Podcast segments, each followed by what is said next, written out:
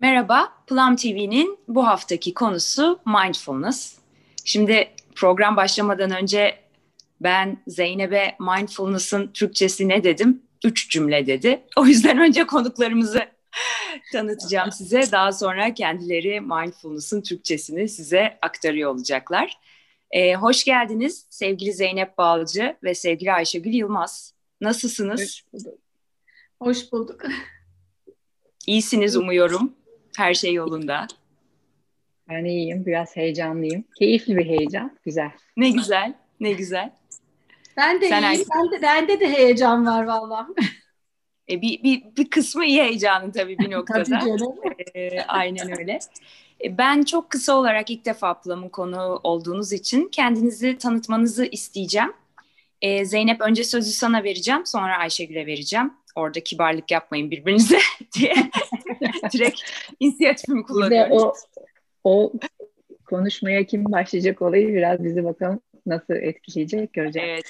Ee, ben kimim? Yani çok çok kısaca e, psikoloji okudum e, ama e, hayatımı koşluk bakış açısıyla e, sürdüren ve her şeyi koşluk bakış açısıyla yapan profesyonel bir koçum. E, keyifle kendim için söyleyebileceğim şey e, evli olmam, iki tane yetişkin e, oğlumun olması e, ve e, bu sürdürülebilir e, sistem içerisinde kendimi kendim gibi olarak yaşayabilen e, bir kişi olarak tanımlamam. E, profesyonel koçluk içerisinde bireylerle, takımlarla, gruplarla yaptığım çalışmalar e, son beş senedir mindfulness temelli olmaya başladı. Daha öncesinde biraz daha terapatik e, çalışmalar e, oldu. Yani e, şu anda ben kimim? Aslında burada şu anda sadece Zeynep olarak varım. E, bakalım içimden neler çıkacak çok merak ediyorum bakalım. ben de. Teşekkürler Zeynep, hoş geldin. Ayşegül'cüm? Ah, e, ben nasıl diyeyim? Yani ek, ekonomi, iktisat okudum. Ama hiç yapmadım, hiç severek okumadım. Ee, ondan sonra insan kaynaklarında çalıştım 10 sene kadar. Ondan sonra onun devamında koçlukla tanıştım. Koçlukla tanışınca zaten hayatım hani hakikaten köklü değişikliklere uğradı ve en büyük değişiklikleri de hep koçluk sayesinde aldım. Çok beslendim, çok şey öğrendim. Yabancılarla çalıştım, Türklerle çalıştım, gönüllü çok çalıştım dernek kuruluşunda. Yani çok var detay. E, ama yani son bir iki senedir bir şey yapmıyorum koçlukla alakalı. Sadece okuyup kendimde çalışıp etrafımda çalışıyorum. Biraz e, İstanbul'dan kaçmış olmanın verdiği biraz emeklilik modundayım. Ama başka şeylere yer açıyorum hayatımda. Güzel. E, onun için de şimdi koçluk, mindfulness onları hep takip ama içindeyim hala yapmasam bile bir fiil. Hep takipteyim. Okuduğum her zaman için ilgi alanım ve hayatımda çok uyguladığım şeyler. Öyle. Tabii bir hayat biçimi oluyor değil mi? Bu koçluk ve hani bazı yaklaşımlar insanın hayatının bütününe nüfuz ediyor. Aynen. Aynen. Yani ben yeğenlerime o tip koçluk soruları sorarken falan buluyorum kendimi zaten. Hiç böyle enteresan. Yani bir kere girdi mi damardan kalıyor. Doğru. O, o güzel, o koçluk çok keyifli bir yanı. Doğru. Şanslı yiyenler. Ben e, biraz önce konuştuğumuz gibi bu mindfulness'ın Türkçesini bir öğrenmek istiyorum. Öncelikle sizlerden. E, Zeynep sözü sana vereyim. İstersen oradan Ayşegül sen istediğin zaman al. Ben de zaten yardımcı oluyor olacağım. Ee, Mindfulness'la ilk tanıştığımız zaman hemen biz de Türkçesine e, araştırmaya başladık. Acaba ne olabilir diye. İlk önce bilinçli farkındalık e, kelimesi geldi ama yine de eksik kalıyor. Bilinçli farkındalığın yanına e, bir e, seçim var.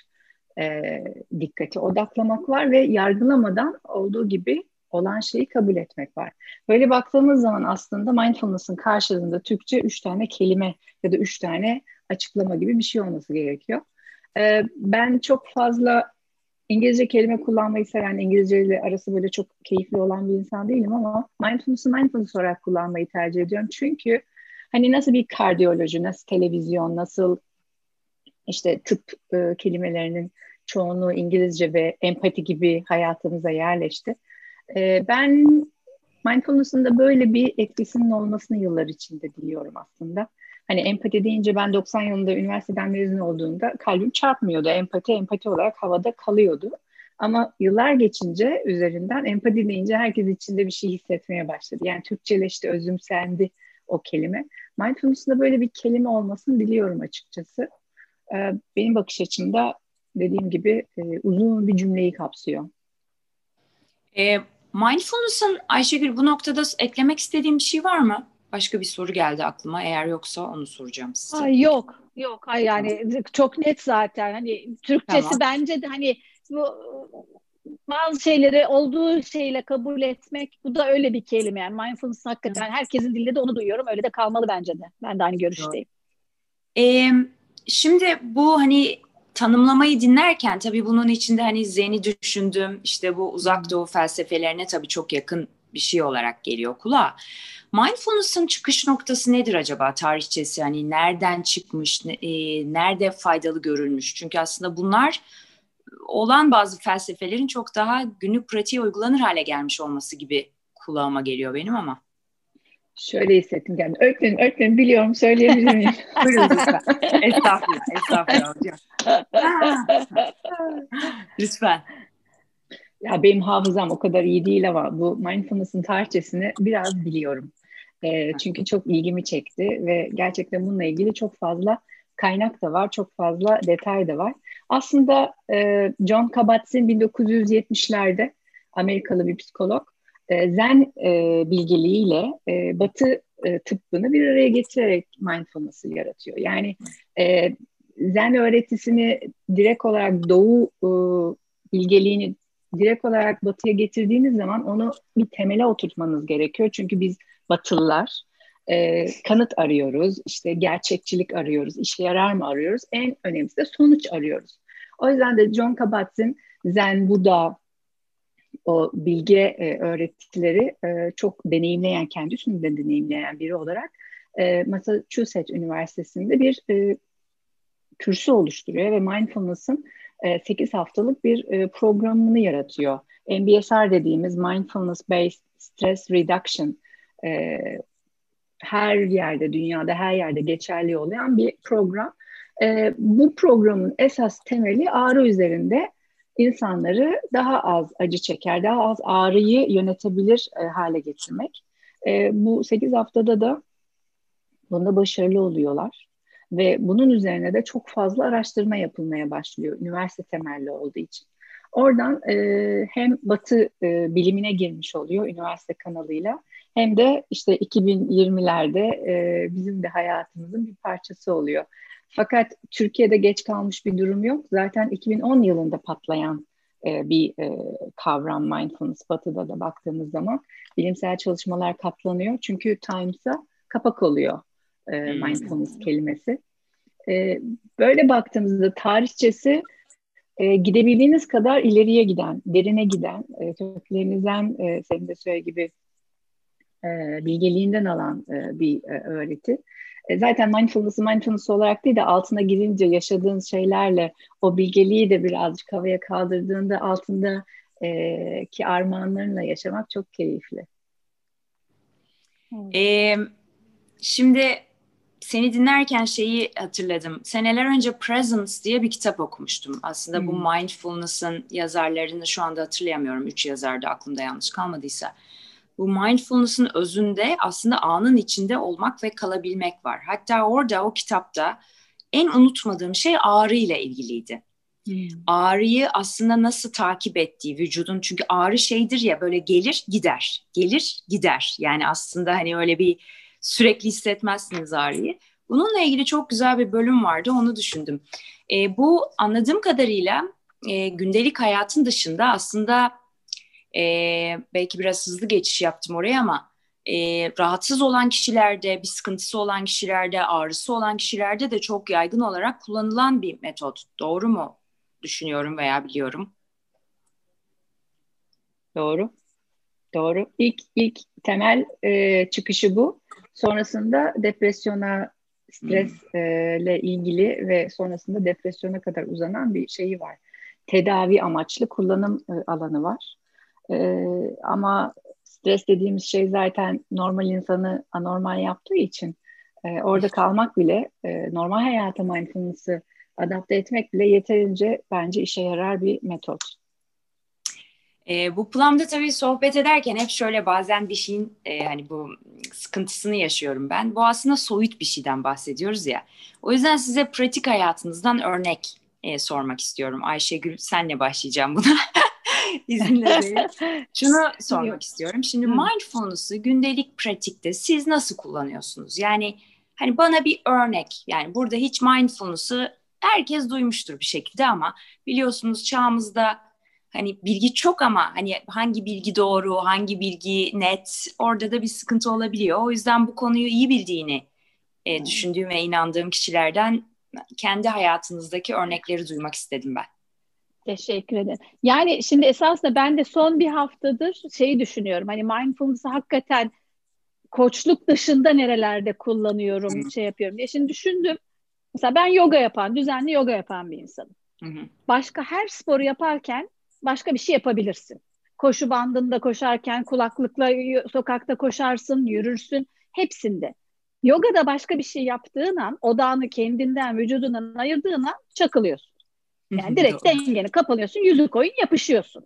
Yani ya bacağını açamıyorsun ya bir şey yapamıyorsun. Şimdi mesela ilk gelen aklıma örnek o. Hani pilates de öyle. Biz yani şeyde aletli yaparken filan sen kafan başka yere gittiği zaman arkadaş o iplere düğüm olur kalırsın. Yani çekerken kendini de sakatlarsın, düğüm de olursun. Ondan sonra başka ne yapıyorum diye düşünüyorum. Şimdi hani ben çünkü yapı itibariyle biraz telaşa memur olduğum için hep birkaç şeyi bir arada yapmaya o kadar çok alışmışım ki. Hmm. Ama, ama buyur. Süt kaynatırken gel başka şey yap. Doğru. Mindful olup o sütün başında otan lazım. Yani yok başka şey yaptığın zaman o taşıyor. Hani böyle böyle bir sürü şey esasında. Kitap okurken atıyorum arkada kitap okumaya uygun bir müzik varsa tamam ama Türkçe müzik varsa hayır. Değil yani olmuyor. O zaman hani yaptığın şeye odaklanamıyorsun. Ha okuyorsun ama dönüp bakıyorsun ben ne okudum kaçıncı sayfaya geldim. Hani bir sürü şeyde esasında hani o odaklanmak, anda kalmak, yaptığın şeyi her ne yapıyorsan, yemek yiyorsan sadece yemek yemek. Karşına açıp da iPad orada YouTube'dan video izlediğin zaman yemek sadece karın doyurmak oluyor. Yaptığın şey ne kadar güzel, lezzetli, içindeki baharat onu kaçırıyorsun yani ne bileyim böyle o kadar çoğaltılabilir ki bu. Demin evet. takipteyim son bir haftadır nelere dikkat ediyorum şeklinde. Hani çiçek sularken sağ sola baktın mı ayağını suluyorsun. ya da şezlonga geliyor. Yani hani en basiti yaptığın her ne yapıyorsan onda kalmak hakikaten çok kıymetli. Sadece olaylarda olan. ne kadar rahat fark ediliyor değil mi bu? Yani süt kaynatmak, çiçek sulamak. Evet. Yani, yani sırf koşluk değil bütün hayat. Evet. E, organizasyonel psikolojide de hani bu multitasking çalışmıyor. Böyle bir şey yok. Beynimiz böyle değil demeye başladılar da sonunda biraz rahat ettik o alanda da ama. Zeynep senin yani, pardon Ayşegül lütfen evet. devam et. Yok yok hayır bu kadar. Tamam. Ayşegül harikasın yani senin bu çakılıyorum makılıyorum laflarını özlemişim. Çakılır da biliyor musun yani yapar da yani. Hani düşer de takla da atar. Hani... Evet tahmin edebiliyorum. Ayşegül'ün iki modu vardır. Bir hakikaten mindful modu bir de uçak. Yani uç, uç, otopilotta uçak e, uçuş modu. Hmm. E, çok güzel şeyler söyledin. Hepsine ben de katılıyorum. E, yoga ve mindfulness e, ben de yapıyorum. Gerçekten e, o benim için böyle bir terapi. Çünkü başka hiçbir şey düşünmüyorsun. Düşündüğün tek şey e, nefesini nereye verdin, işte karın kaslarını ne tarafa doğru e, sıkıyorsun gibi e, keyifli deneyimler. Ben hani buradan alıp ben hayatımda neleri daha farklı yapıyorum diye e, birkaç tane örnek verirsem ben son zamanlarda e, hem kendime hem başkalarına iyilik dilemeyi çok fazla yapıyorum. E, kendim için e, niyet belirliyorum günü yaşamakla ilgili. Yani bugün niyetim ne? E, bu ilişkide niyetim ne? Bu konuşmada niyetim ne? Bunları hep fark ederek başta böyle bir kendime çıpalıyorum. E, çok iyi geliyor. E, ve e, benim için trafik ve araba pandemi öncesinde tabii özellikle en en güzel mindfulness zamanları. Çünkü seçim bana kalmış bir şey. Ya o zamanı kendime biraz dar edeceğim. E, niye gitmiyorum, niye olmuyor diye dertleneceğim. Ya da e, o zamanı kabul edip içinde e, yaşayacağım o trafik deneyimimiz, deneyimi e, kendim için bir e, ne bileyim araştırmaya, bir farkındalığa, bir e, bilinçli seçime mi döndüreceğim?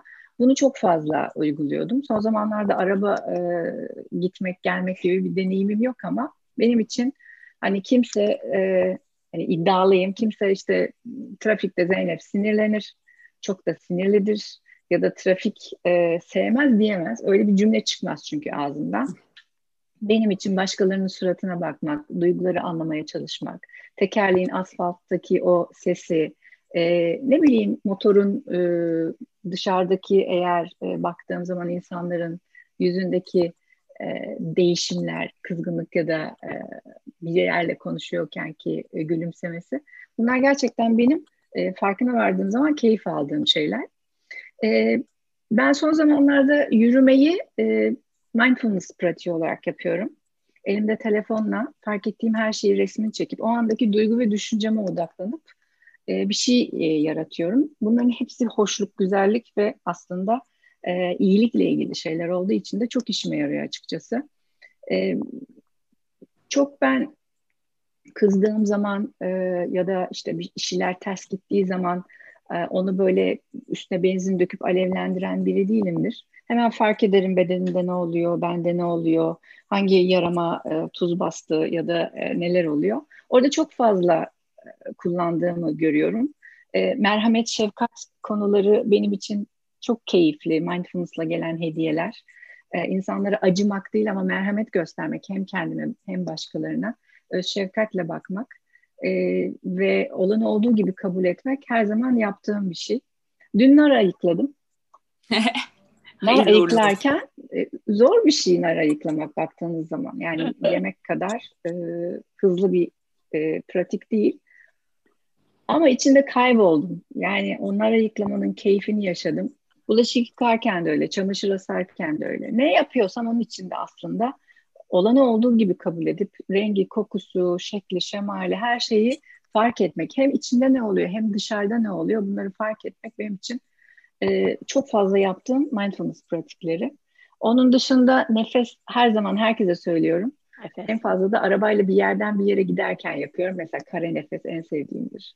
Al, tut, ver, tut, al, tut, ver, tut. Elimde bir kalem kağıt varsa onu çizerek yaparım. Ee, çok fazla pratik araç seven biri olarak da hani sor söyleyeyim, sor söyleyeyim o kadar çok var ki e, birilerine söyleyebileceğim, uygulamasını önerebileceğim şey. Ama önemli olan pratik yapmak. Yani bir şeyin çok güzel olması önemli değil. Senin onu hayatına yedirmen. E, Ayşegül'ün dediği gibi hayat alışkanlıklarımızın ve hayat aktivitelerimizin yanına bunu eklediğimiz zaman çok güzel oluyor. Ee, yoksa çok da fazla aklımıza gelmiyor ama duş alırken mindful duş almak, o hani suyun tenindeki gezdiği e, sıcaklığı ya da soğukluğu hissetmek. Ne bileyim denize girerken aynı şekilde e, mindful e, bu işi yapmak. Bunların hepsi aslında yaptığımız şeylere biraz daha farkındalığı ve kabulü ve yargılamadan o deneyimimin içinden geçmeyi bize sunuyor. Bu çok güzel duygular yaratıyor. Yani ne bileyim anlatırken bile. Yani, yaşam oluyorum. felsefesinden bahsediyorsunuz aslında. Bir, yani bu bir yaşam felsefesi aslında bir noktada. Mindful yaşamak. Benim için öyle olmaya başladı. E, çünkü beş sene önce ilk tanıştığım zaman bir kelimeydi. E, evet. Yavaş yavaş hani gönlüme girmeye başladı ve bir yaşam felsefesi oldu. E, o yüzden mindfulness'ı unutacağım herhalde bir müddet sonra. E, Hepimiz anladım. unutacağız belki. Evet. E, açıklamayı, anlatmayı ama bunu yaşamayı ve hayatımızdaki ilişkilerde bunu tadını almayı deneyimleyeceğiz diye düşünüyorum. Evet, egzersizle oluyor her şey. Ee, sizleri dinlerken şeyi düşündüm aslında e, mindfulness bize seçim yapma şansımız olduğunu hatırlatan bir metod aslında. Çünkü şöyle bir yavaşladığımızda Aynen. herhangi bir zorluk içinde de yani bir nefes aldığımızda orada bir seçme şansımız var. Yani orada kızabiliriz, sinirlenebiliriz, üzülebiliriz veya diyebiliriz ki tamam şu anda bu oluyor. Ben bununla ilgili ne yapacağım ve ne yapmak istiyorum. Ama bunun için hakikaten öncelikle bir nefes almayı, şöyle bir durmayı ve o tepkimizi istediğimiz şekilde verebilme aslında şansına ve iradesine sahip olduğumuzu hatırlamamızı gerektiriyor. Bunun için de tabii biraz yavaşlamak lazım. Nefes yavaşlamanın en önemli araçlarından biri diye düşünüyorum. Nefes almayı hatırlamak. Özün çok önemli bir şey söyledin. Ee, aslında seçim şansımızdan bahsettin. e, Viktor Frankl'ın bir sözü var aslında. Tepkiyle e, yanıt arasında bir e, zaman, bir boşluk var.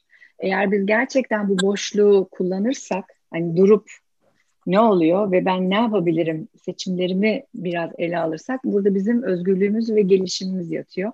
Bence mindfulness'ın bu tarafından da bakmak çok önemli bir şey. Seçim hakkı tanıyor bize.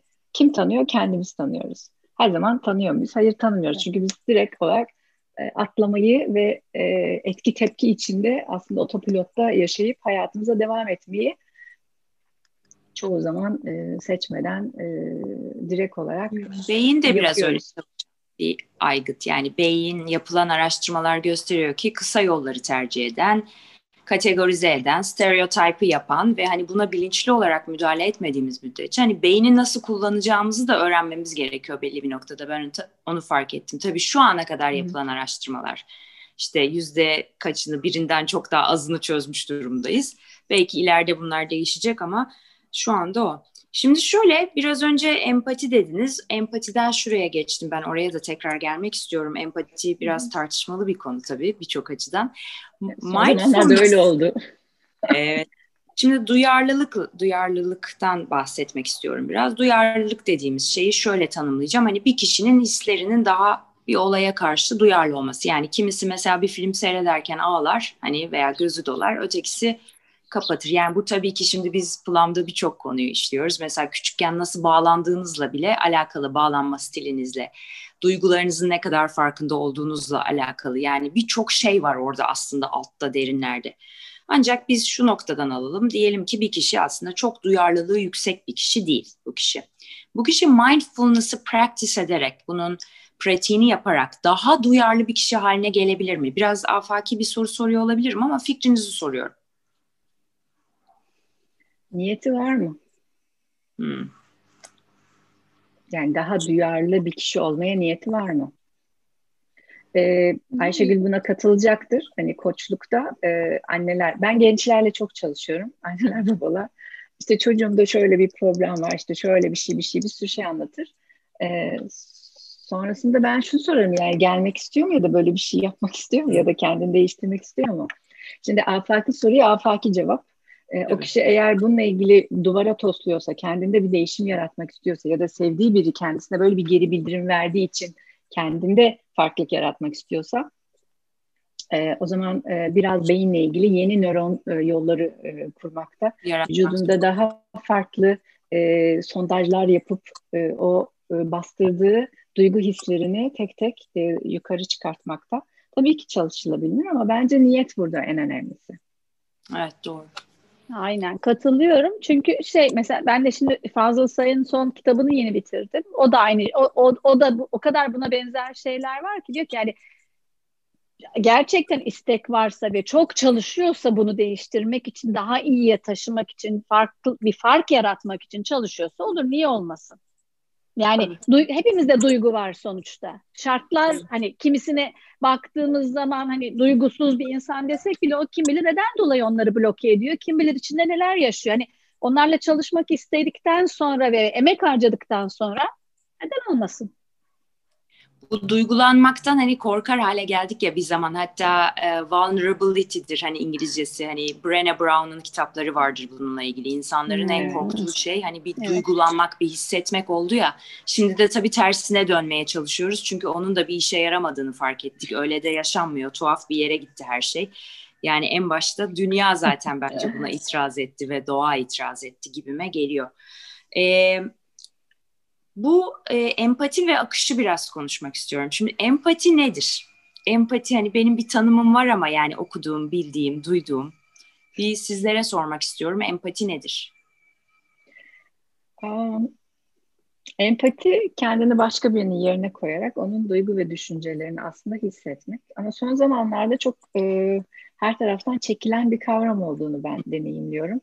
Özellikle e, bu öz şefkat e, hani self compassion e, şeyiyle araştırmalarıyla birlikte empatinin yeterli olmadığını çok da e, edilgen bir durumda kişiyi bırakıp e, kendi kendini sabote eder bir hale getirdiğini e, söylüyor. Liderler empati hissettiği zaman böyle kalıyorlar.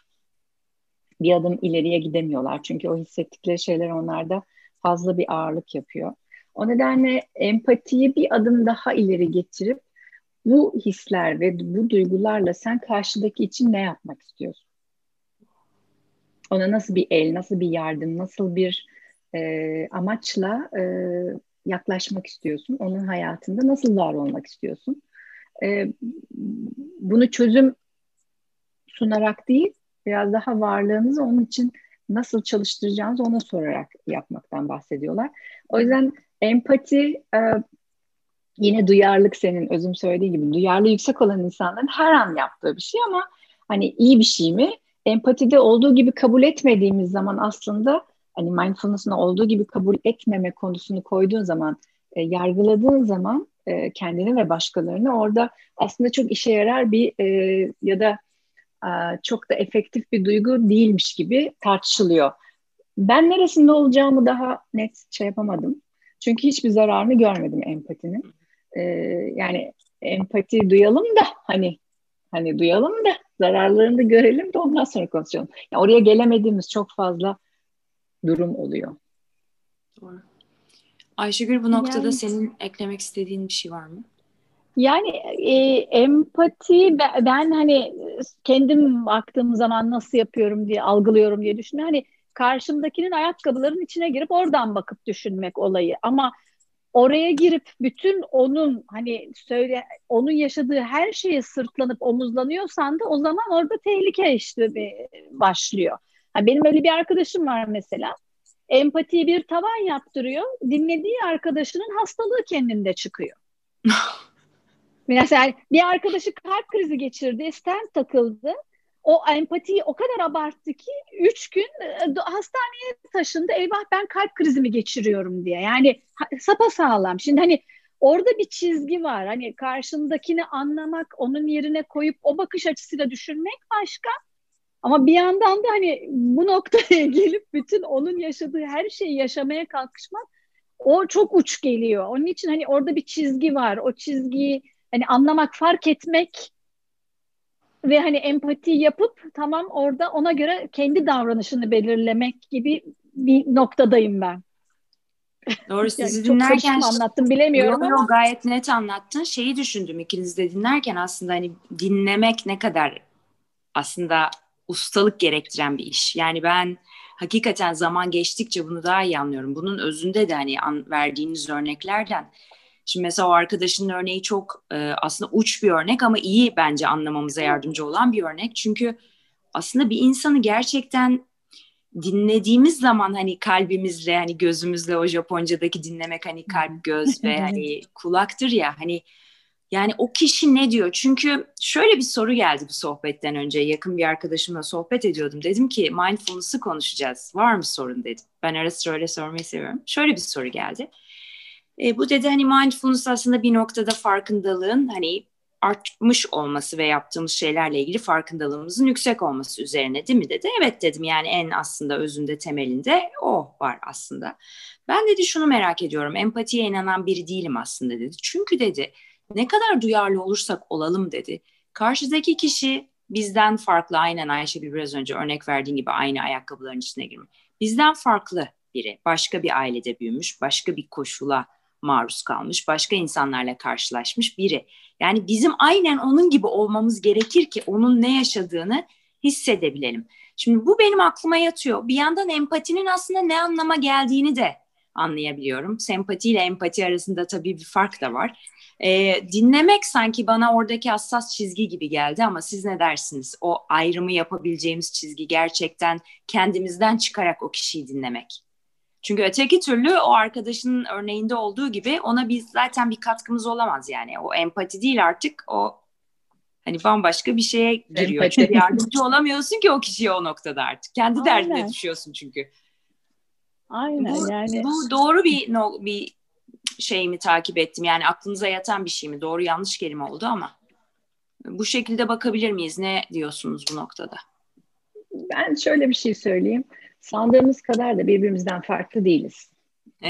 ee, yani ben hani psikoloji okurken genç yıllarımda e, çocuğu olmayanlar nasıl çocuğu olanlara işte e, psikolog e, terapi yapar. İşte ne bileyim evli olmayan evli olana nasıl yapar.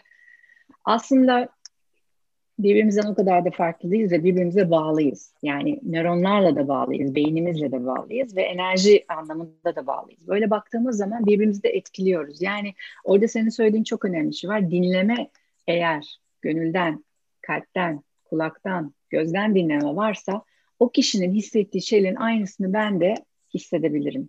Düşünce yapısını da anlayabilirim. Ama onun gibi hissetmeyebilirim. Çünkü daha önce de söylediğim o bağlanma e, hani dertleri, tasaları o hissettiğim şeyin adını farklı konumlandırabilirim. Benim için o sevgidir, öbürü için merhamet ve acımadır. Ben bunu çok yaşadım e, gruplarımda. Birbirine yardım etmeye çalışıyor. Öbürü diyor ki bana acımayın, merhamet göstermeyin. Çünkü kötü bir şey olarak kodlamış kendine. O yüzden hani anlamak tamam ama karşı tarafın bununla ne yapacağını bilmek orada durmamız gerekiyor. Yani e, empati o yüzden işte empati yapıyorsun da sonrasında neye ihtiyacın var? Yani ne ihtiyacın varı sormamız gerekiyor ona. Çünkü empatide anladığımız şeylerin şifresi karşı taraf için seçimlerin e, açıklaması olmuyor bazen. Benim için sarılmak olabilir, onun için e, ne bileyim bir şeyi kırmak olabilir. Evet. Anlat, evet, a, anlattığım şeyi ben hani e, kendi içimde biraz tartıyorum.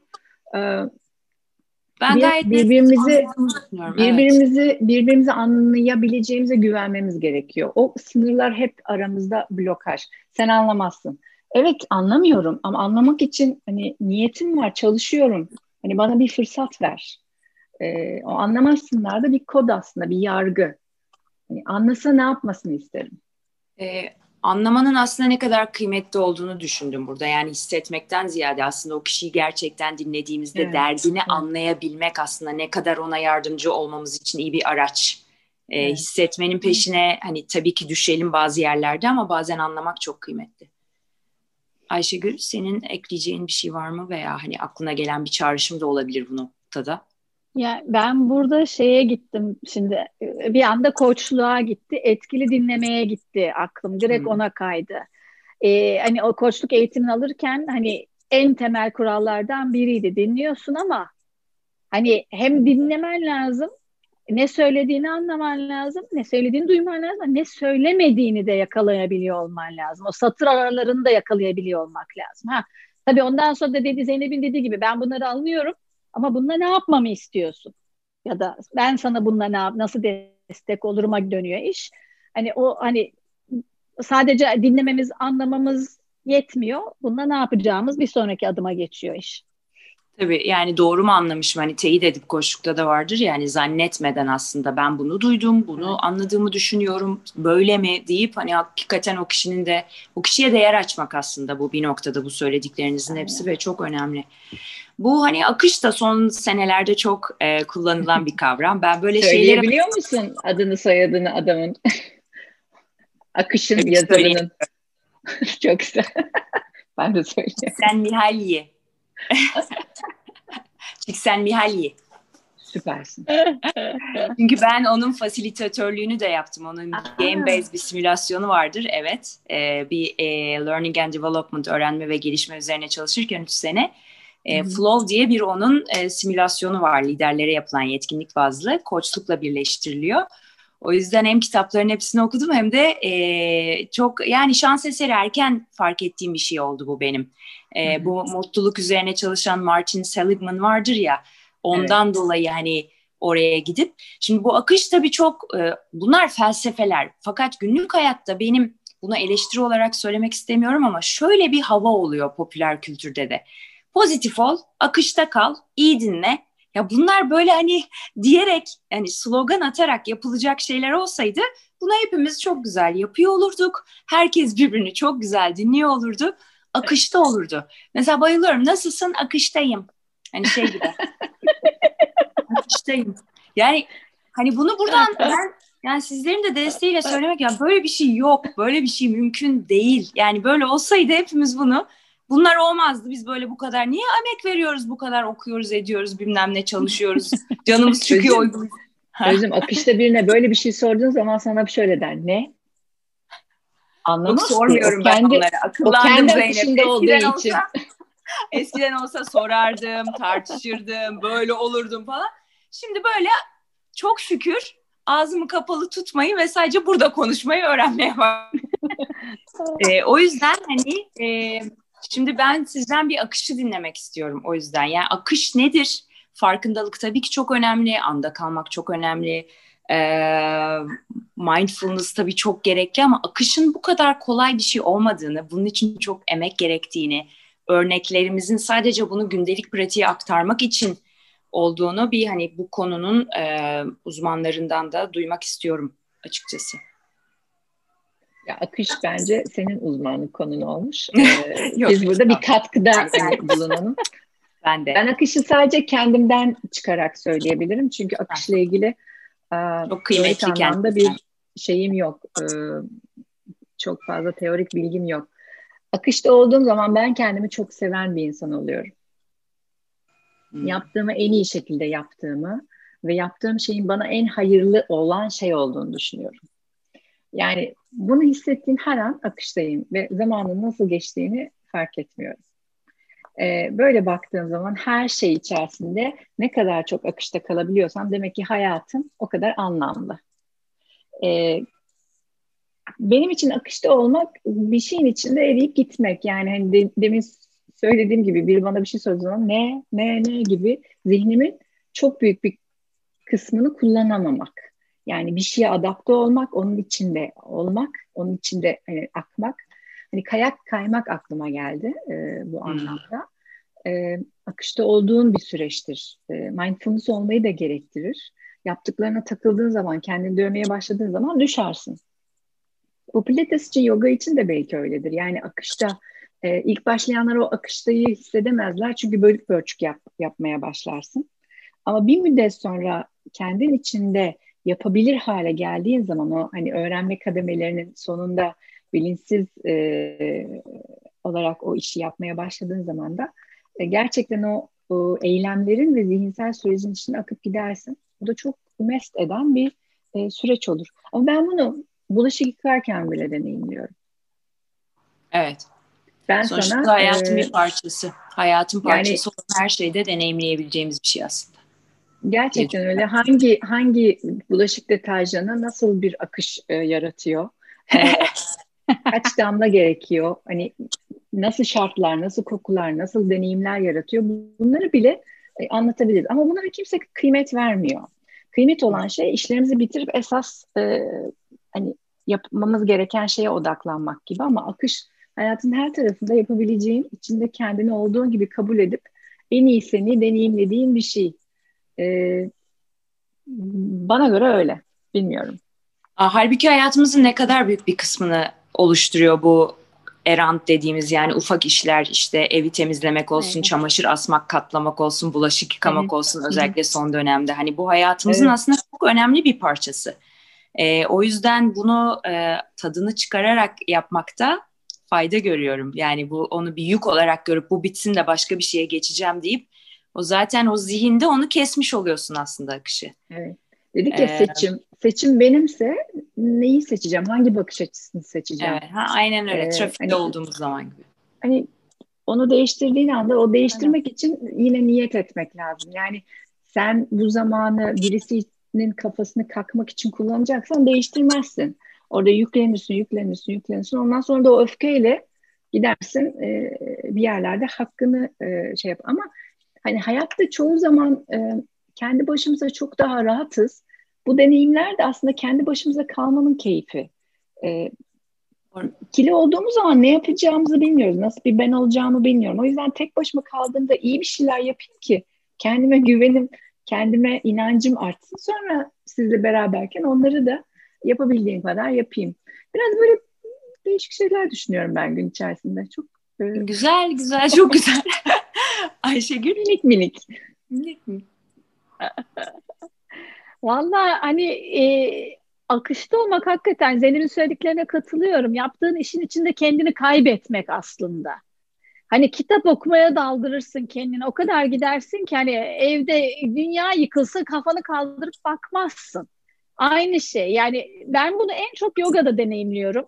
akışta hmm. olmayı. Çünkü orada hani uzun sürelerdir yaptığım için belki hani bir şekilde bir harekete bir flow'a girdiğin zaman hani o ha, otomatik gidiyor hareketler artık. Hani dışarıda bir şey oluyormuş, e, şey yapıyormuş hiç umrunda olmuyor. Kaptırıyorsun ve bundan sonraki hareket bu öyle yapıyorsun. Onun içinde gidiyorsun, yok oluyorsun, eriyorsun. Yani ve de yaptığın her işin içinde akışta olmak mümkün.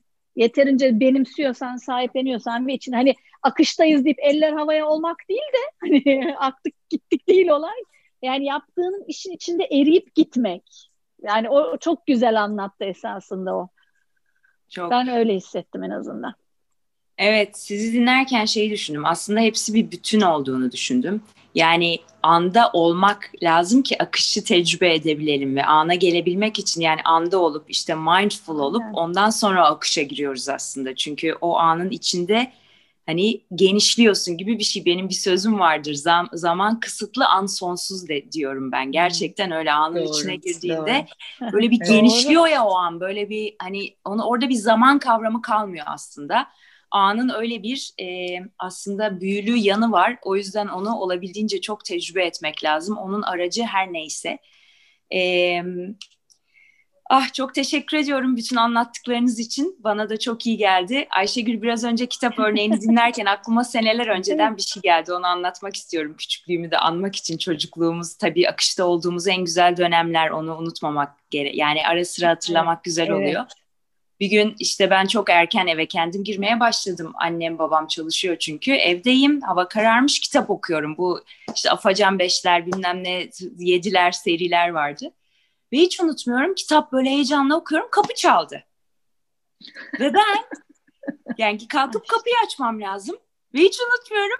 Sonra bir baktım kapı gene çaldı. Kapıyı açma yani hani anlık yani benim herhalde hayatımda yani nadir bu kadar kendimden geçtiğim zamanlardan biridir. Kitap da tabii bunun çok güzel bir aracı. Bazı kitaplar yani insana bütün duyguları yaşatıyor. Evet. Gözü de doluyor, gülüyor da kahkaha da atıyor. işte kapını da unutuyor. Yani ne kadar güzel. Ee, bu çok ama güzel. Yani, Ayşe Pardon lafını kestim ama o kadar güzel bir örnek ki çocuklukta. Yani hepimizin ya. annesi 40 kere yemeğe çağırdı bizi. Tabii. Ya da bahçeden eve çağırdı. Yani niye gelmiyorsun? Çünkü o kadar keyif alarak oynuyorsun ki dışarıda evden evi sevmediğin için ya da evde bir cadıyla yaşadığın için değil. Yani e, ama kaptırmış giderken kendini o kadar güzel bir şeyin içindeyken şimdi bırakıp yemek mi yiyeceğiz? Yani ne gerek var işte oynuyoruz evet. yani. Eğleniyoruz. Ee, bu çok güzel soru. De, Pardon. Belki Lütfen. de akış Benim. o kadar kolay bir şey ve biz zorlaştırıyoruz. Özüm hani yetişkin yani kafasıyla belki de biz biraz dediğine katılıyorum ama bu yavaşlamak lazım. Tempo çok hızlı. Hayatın temposu bir yani hızlı bir tempodayız şu anda ve bu hani biz onları da konuştuk yavaşlamak, işte mola almak. Evet. Hani e, bu ertelemek bile bir noktada şimdi sizinle sohbetin sonunda konuştuğumda hızdan erteliyoruz. Çünkü evet. aslında akışa bıraktığında ve anda olduğunda çok öyle bir ruh hali içine giriyorsun ki öyle bir sükunet ve rahatlık zaten hepsi böyle rahat rahat akıyor. Yapıyorsun o gözünde büyüttüğün şeylerin gözünde büyütmediğin şeyler olduğunu fark etme şansın oluyor. Ee, belki zevk alıyorsun hakikaten ne bileyim bulaşık yıkarken işte çiçeğe bakmayı hatırlıyorsun yavaşladığında. Bunların hepsi neden aslında kaçırıyoruz gibi hissettiğimiz için. E, tiyatroları kaçırıyoruz, sinemaları kaçırıyoruz, dizileri, filmleri kaçırıyoruz, arkadaşlarımızla yemeğe gitmeyi kaçırıyoruz. Pandemi bizde bu kaçırma hissini birazcık durdurup bir şey kaçmıyor çünkü herkes duruyor. Sen şimdi nelere önem ver, verebilirsin? Zaman senin dedi. Çok kıymetli bence. Yani kaçırma duygusuyla olmayacak şeyler yapıyoruz. Olmayacak işler, olmayacak seyahatler, olmayacak yemekler, olmayacak e, dertler ediniyoruz. Olmayacak ee, insanları şey, hayatımızda tutuyoruz. Aynen öyle. Kesinlikle. Hiçbir şey kaçmıyor diye baktığın zaman, benim yaptığım her şey benim için değerli diye baktığın zaman e, çok daha dolu dolu bir hayat oluyor. Bunun içinde Çok... biraz durmak ve aslında zihinden neler geçiyor, işte duyguların ne, onu birazcık anlamak, hislerin ne, onu biraz anlamak. Yani mindfulness'ta üç tane şey var. Bir duygunu fark et, bir düşünceni fark et, bir de hislerini fark et. Hepsi birbirine aslında bağlı. Araştırmalar o ondan, o ondan dolayı diye net söyleyemiyor. Yani duygudan dolayı düşüncelerin, düşünceden dolayı duyguların diyemiyor. Gerek de yok hangisinin olduğu. Hangisini tutabiliyorsan, hangisini fark edebiliyorsan onu al oradan bir bak bakalım ne oluyor şu anda sende. Ee, ve hani duyguların üzerine düşüncelerini de e, boca ederek benzin döküp alevlendirme. Bir sakin. Sakin olmak lazım. Geçenlerde bu çok dediğine benzer bir şey fark ettim hatta story'e yazdım. Hani insan hızlı koştuğu zaman hayatı yakalayacağını zannediyor. Aslında hayat yavaşladığında yakalanıyor dedim. Gerçekten öyle evet, yani bir yavaşladığında evet. hayatı gerçekten yakalıyorsun. Öteki türlü ne, neye koştuğumuzu da belli evet, nereye koştuğumuz da yani bence biraz yavaşlamakta fayda olabilir. Ee, çok güzel bir sohbet. Yani başladığım zamanki halimle şu anki halim arasında şahsen bende bir dinlenme ve böyle bir ferahlık var. Ee, çok çok teşekkür ediyorum sizlere. Sonuna doğru yaklaşırken söylemek istediğiniz, eklemek istediğiniz veya bir dileğiniz varsa onları almak istiyorum. Ayşegül. Valla şeyi söyleyeyim şimdi konuşurken yani ben çok keyif alarak e, sohbete katıldım. O, o, onun için çok teşekkür ederim ayrıca. Ben Ama hani hakikaten o kadar çok şey kaçırıyoruz ki hayatta aslında. Ben İstanbul'a e, bak taşındım 10 sene, 10, 12 13 sene sonra işi bıraktıktan ve serbest çalışmaya karar verdikten sonra İstanbul'un tadını çıkardım. Yani kapalı kapalı çarşıya hep koşarak misafir götürmüştüm. Ondan sonra kendim keyif alarak sevdiğim için, zevk aldığım için gidip tadını çıkarıp her köşesini kurcalayıp sevdim ve evim gibi hissettim. Ne bileyim İstanbul'un e, e, yani İstanbul Müzik Festivali'ni hep biliyordum. Ama hani hep hiçbir şekilde yetişemediğim bir dönemi, en yoğun iş dönemime denk geliyordu. Ne zaman freelance çalışmaya başladım? Her şeyden önce o listeyi önüme açıp hangisini seçeceğim. Yani biraz çok şey kaçırıyoruz. Hayatta çok şey bir arada yapmaya çalışıyoruz. Onun için hani bu pandemi dönemi de aslında bize çok güzel bir ders ve çok güzel bir öğrenebilenlere öğrenme fırsatı. Bir dur, ne yapmak istiyorsun bir seç, onlara öncelik ver ve yürü. İşte o zaman akışa giriyor insan. Öyle bir de, de zaten şeyi düşündüm. Durunca zaten mesela listeyi açtığında atıyorum o hengamede belki 10 tane konser seçecekken şöyle bir durunca diyorsun ki ya ben bunun üçüne gitmek istiyorum ya. Yani zamanım o kadar kıymetli ki benim. Ben bunun üçünden Aynen. çok keyif alacağım veya ikisinden. Bu seferlik böyle yapayım diyorsun. Yani öyle bir e, o aslında koşturmacının ne kadar e, o hengamenin hızıyla geldiğini de fark ediyor insan. Çok e çünkü seçme seçme şansının olduğunu görüyorsun. Seçiyorsun. Evet. Öbür türlü ben deliler gibi çalışıyorum. 10 tane de konsere gideyim diyorsun. Halbuki öbür türlü zaman senin. Ben bu üç tanesine gitmeyi seçiyorum. O bana yeter. Ruhuma iyi gelecek. Tamam Aynen ya. Öyle. Yani bu kadar diyorsun. Çok teşekkürler. Çok teşekkürler. Sağ olun. Ben teşekkür ederim. Zeynep? Aa, ya çok keyifliydi. Hani bitmesin ne kadar güzel şeyler Yenisini yaparız. Gibi. yapalım, yapalım. İşte çok öyle. Güzel. Ya, Memnuniyetle. Yeter ki siz isteyin. Her şeyin e, her şeyin çift taraflı olduğunu bilmek bana çok kıymetli geliyor. Yani e, biri ben, bende bir şey yarata yani yapıp yaratabiliyorsa ben de kendimde bir şey yapıp yaratabiliyorum. Yani iyilik, mutluluk için e, bir şeylerin olmasını beklemek yerine ben ne yapabilirim? Ben bu hayata ne katabilirim? E, benim yeterliklerim, yetkinliklerim bu hayatta iyilik için, mutluluk için, keyif için nelere kadir? Bunlara baktığımız zaman e, aslında iyi ol, iyi yönet. Yani kendin iyisen başkalarına e, iyi ilişkiler kurabiliyorsun. Ben herkese şey diyorum, hayatın keyfini çıkartıyor musun? Çocukların keyfini çıkartıyor musun? Derdin tasanın keyfini çıkartıyor musun? Çünkü onlar seni geliştiriyor. Duygularının keyfini çıkartıyor musun? Çünkü e, acı varsa sevgi de var demektir. Acı varsa kaybetmek de var demektir ama ancak insan sevdiklerini kaybettiği zaman ya da değerli olan şeyi kaybettiği zaman e, üzülür, acır. Yani her şeyin aslında karşılığı var bu hayatta. Değiyor bence. Sevmek için de değiyor, iyilik yapmak için de değiyor. Hayal kırıklığı dediğimiz şey karşı dönmemek. Ne güzel, yapmışın, alamamışsın. İşte seçim senin. Tekrar yapmaya devam edecek misin? Orada biraz e, bizim yaşımız hani e, sen bizden daha küçük olabilirsin ama Ayşegül ve ben hani bizim yaşımız e, biraz e, bu fark ettiklerimizi hayata katkı olarak yargılamadan katkı olarak çünkü her şeyimizi biz doğru biliyoruz ya ama herkesin aklı kendine. Ben gençlerde çalıştığımı söyledim ya hakikaten aklını değil de dinlemeni ve gerçekten onları anlamanı ön plana koyduğun zaman çok etkileniyorsun Tabii. Yani nasıl nasıl düşündüklerinden çok etkileniyorsun. Ve bir de nasıl dertleri olduğundan çok etkileniyorsun. Bize çok şey düşüyor.